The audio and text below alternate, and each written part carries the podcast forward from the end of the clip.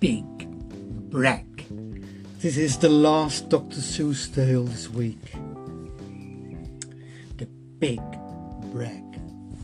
The rabbit felt mighty important today. On top of the hill in the sun where he lay, he felt so important up there on that hill that he started to brag as animals will. And he boasted out loud as he threw out his chest of all of the beasts in the world, I am the best. On land and on sea, even up in the sky, no animal lives who is better than I. What, what, what's that? growled a voice that was terribly gruff. No, why do you say such ridiculous stuff? The rabbit looked down and he saw a big bear. I'm best of the beast, said the bear, and so there.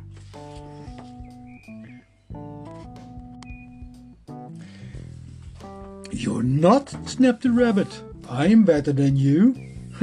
Pooh, the bee snored. Again, I say, pooh. You talk mighty big, Mr. Rabbit, that's true. But how can you prove it? Just what can you do? Hmm, thought the rabbit. Now, what can I do? He thought and he thought, then he finally said, Mr. Bear, do you see those two ears on my head? My ears are so keen and so sharp and so fine, no ears in the world can hear further than mine. Humph, the bear grunted. He looked at each ear. You say they are good, said the bear with a sneer. But how do I know? Just how far they can hear. I'll prove, I'll prove, said the rabbit. My ears are the best. You, sir, there. Watch me. I'll prove it by test. Then he stiffened his ears till they both stood up high and pointed straight up at the blue of the sky. He stretches his ear open as wide as he could. Shh! I am listening, he said as he stood. He listened so hard that he started to sweat, and the fur on his ear and his forehead got wet. For several long minutes he stood. Then he stirred, and he said to the bear, Do you know what I heard? Do you see that far mountain? It's 90 miles off. There's a fly on that mountain. I just heard him cough. Now, the cough of a fly, sir, is quite hard to hear when he's 90 miles off, but I heard it quite clear.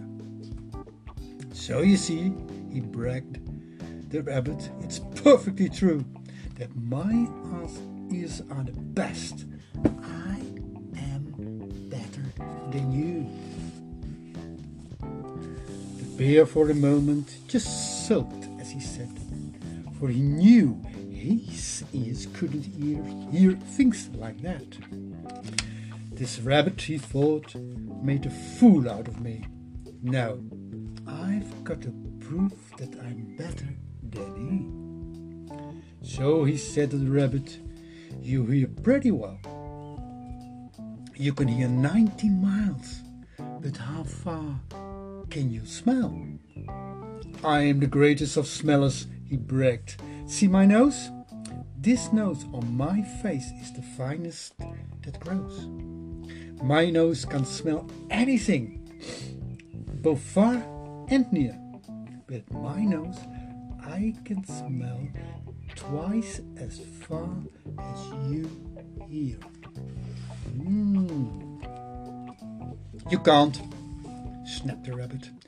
I can, growled the bear, and he stuck his big nose way up high in the air. He wiggled that nose and he sniffed and he snuffed. He waggled that nose and he whiffed and he waffed.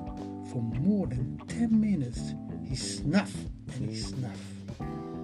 Then he said to the rabbit, I smelled far enough.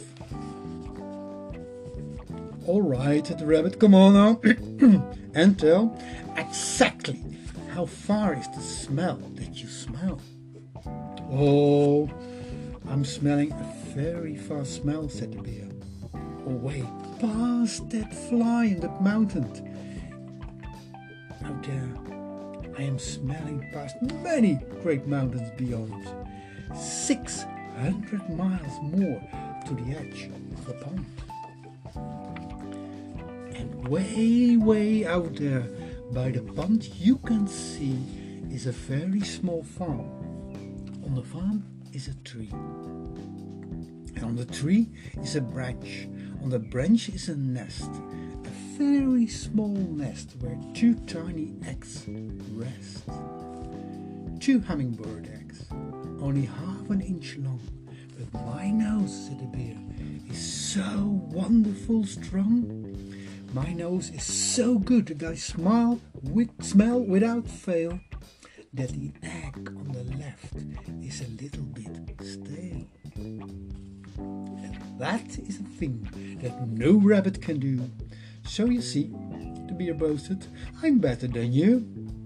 My smell is so keen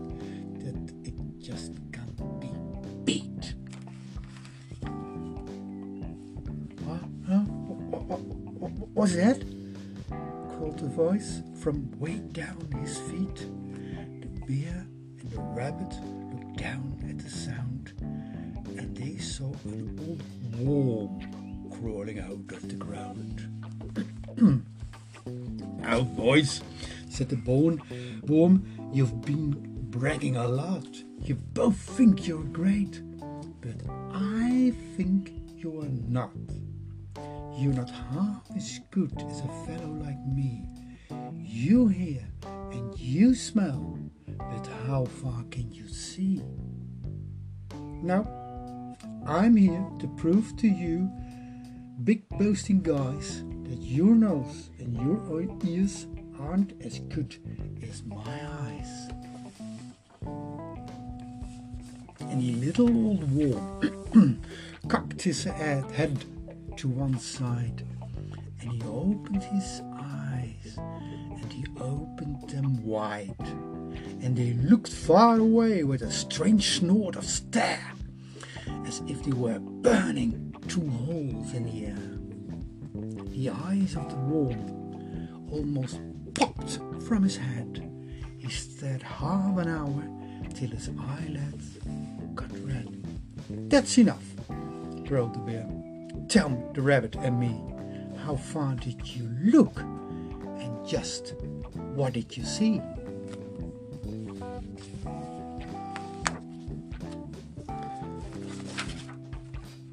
Well, said the worm.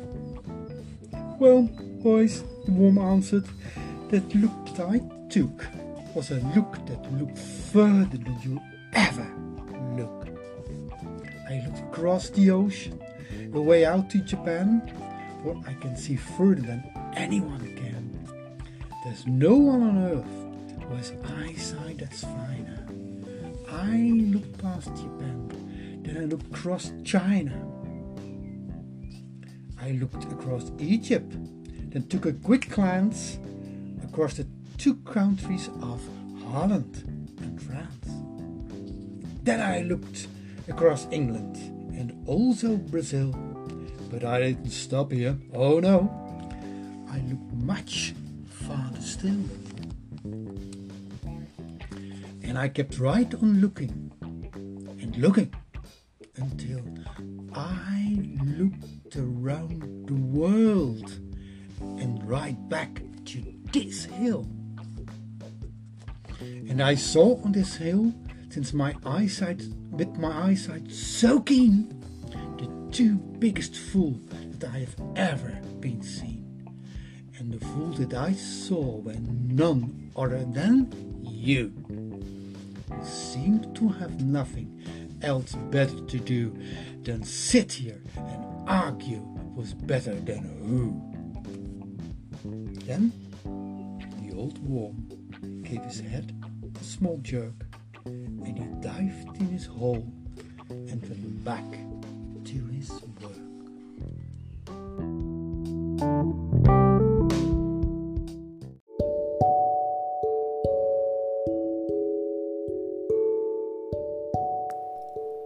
Hey beste mensen, dankjewel voor het luisteren naar de Kroon podcast met beautiful stories with a smile and to think about. Deze week heb ik met ontzettend veel plezier uh, vijf tales van Dr. Seuss verteld in het Engels. Maar ik wil graag ook even van de gelegenheid gebruik maken te vertellen dat volgende week weer allemaal verhalen voor volwassenen komen. En dat volgende week ook een nieuw episode uitkomt van mijn andere podcast over het gebruik van verhalen en narratieve vaardigheden binnen een professionele setting.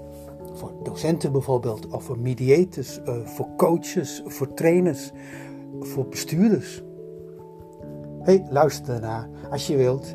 Zoek naar de NZR Academie podcast en abonneer. Tot volgende week. Thank you